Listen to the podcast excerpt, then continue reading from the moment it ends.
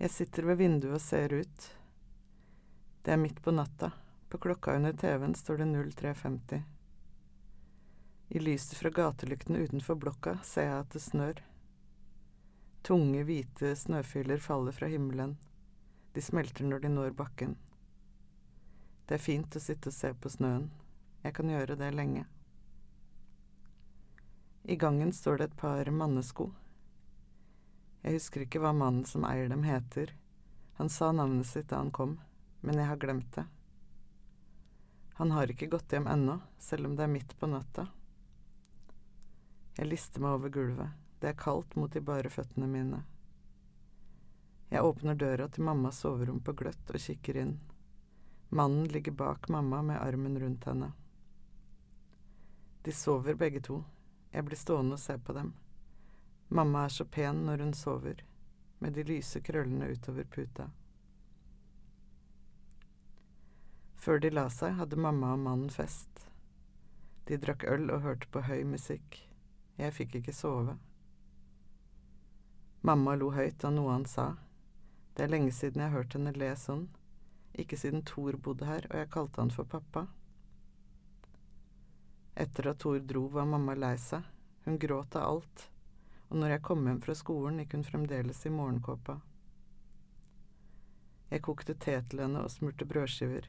Jeg fortalte historier jeg fant på for å gjøre henne glad. Men mamma lo ikke. Hun bare smilte matt.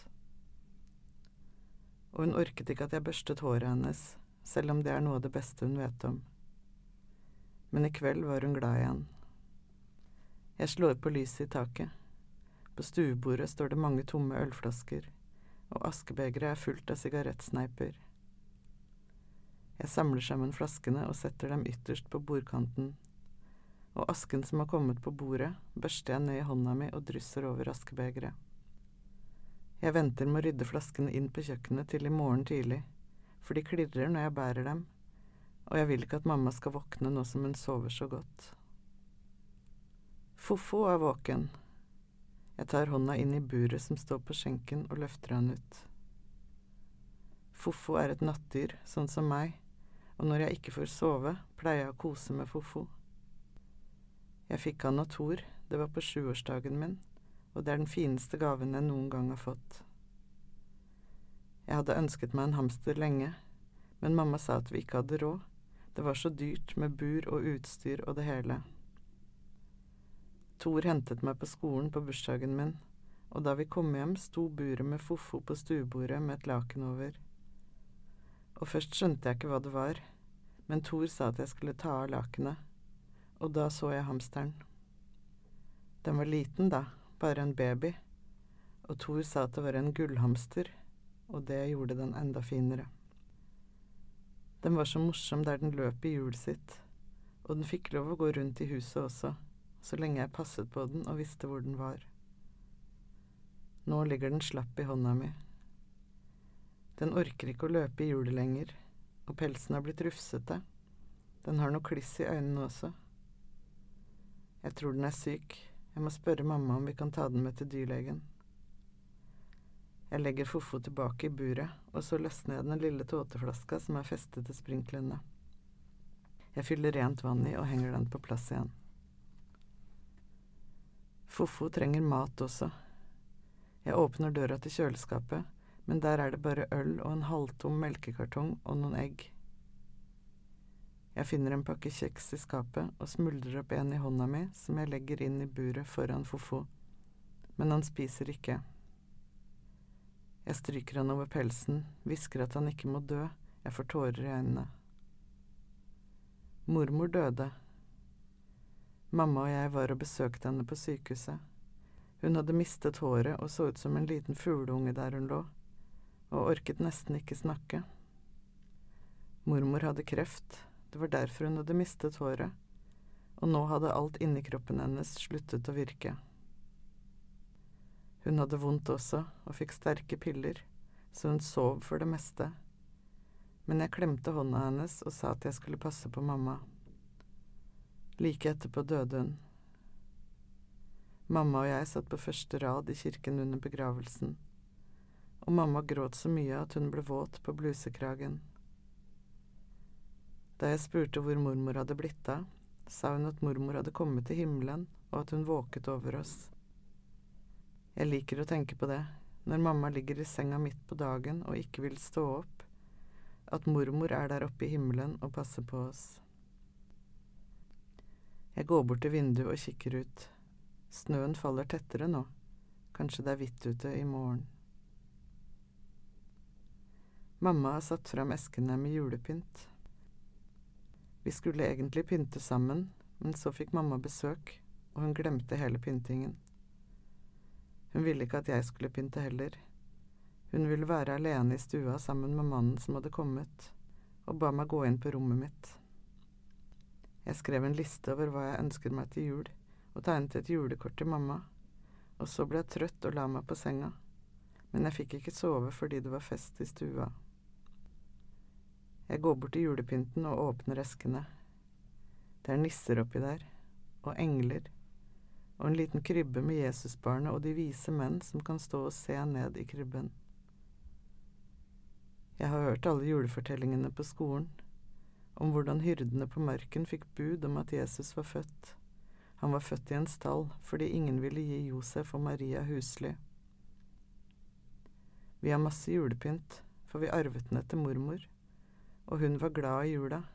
Vi pleide å feire hjemme hos henne, med ribbe og medisterkaker og små hvite pølser, og mamma fikk mandelen i grøten og vant en marsipangris. Mormor hadde ekte juletre også, en gran og det luktet så godt av det treet, det luktet skog i hele stua, og under treet lå gaver som mormor hadde strikket og pakket inn. Nå har vi et lite juletre i plast, Thor kjøpte det i fjor. Det er små lys på det som er festet til en stikkontakt. Jeg tar frem treet og setter det på skjenken ved siden av hamsterburet, så kan Fofo se det også. Jeg finner esken med juletrepynt og begynner å pynte treet. Jeg henger på fargede julekuler i rødt og gull, små nisser og engler. Så danderer jeg treet med strimler av norske flagg og glitterremser. På badet finner jeg bomullen til mamma som hun bruker til å ta av sminken. Jeg river av en bit og tar med inn i stua og deler den opp i små snøfnugg som jeg legger på treet. Da treet er ferdig pyntet, setter jeg i stikkontakten og alle de små lysene lyser unntatt to. Det er nok pærene som har gått. Jeg setter meg og ser på treet. Det er så pent, jeg får tårer i øynene av å se på det.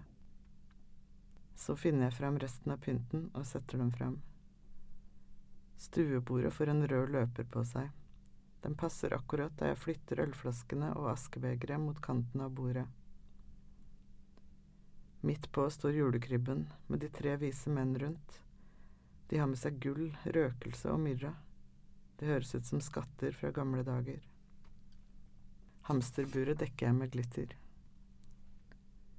Fofo ligger i bunnen av buret. Han er helt stille. Jeg tar hånda inn i buret og stryker over den rufsete pelsen. God jul, hvisker jeg og klør han bak hodet. Ut av soveromsdøra kommer mamma. Under morgenkåpa kan jeg se det ene brystet hennes. Er det du som romsterer her, sier hun. Ja, sier jeg, har det ikke blitt fint? Mamma ser seg rundt. Jeg har pyntet til jul, sier jeg. Hvorfor pynter du om natta? Jeg fikk ikke sove, og snart er det julaften. Jula kom så brått, sier mamma. Jeg tar henne i hånda og leier henne bort til vinduet. Snøen dekker bakken utenfor.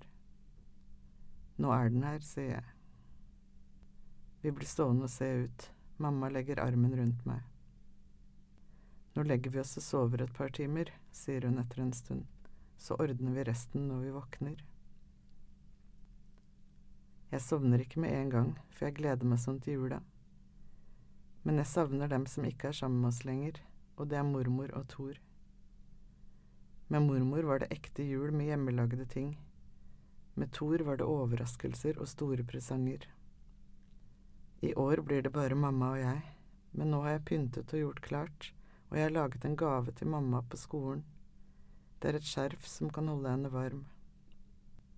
Jeg ligger og ser ut på snøen som faller.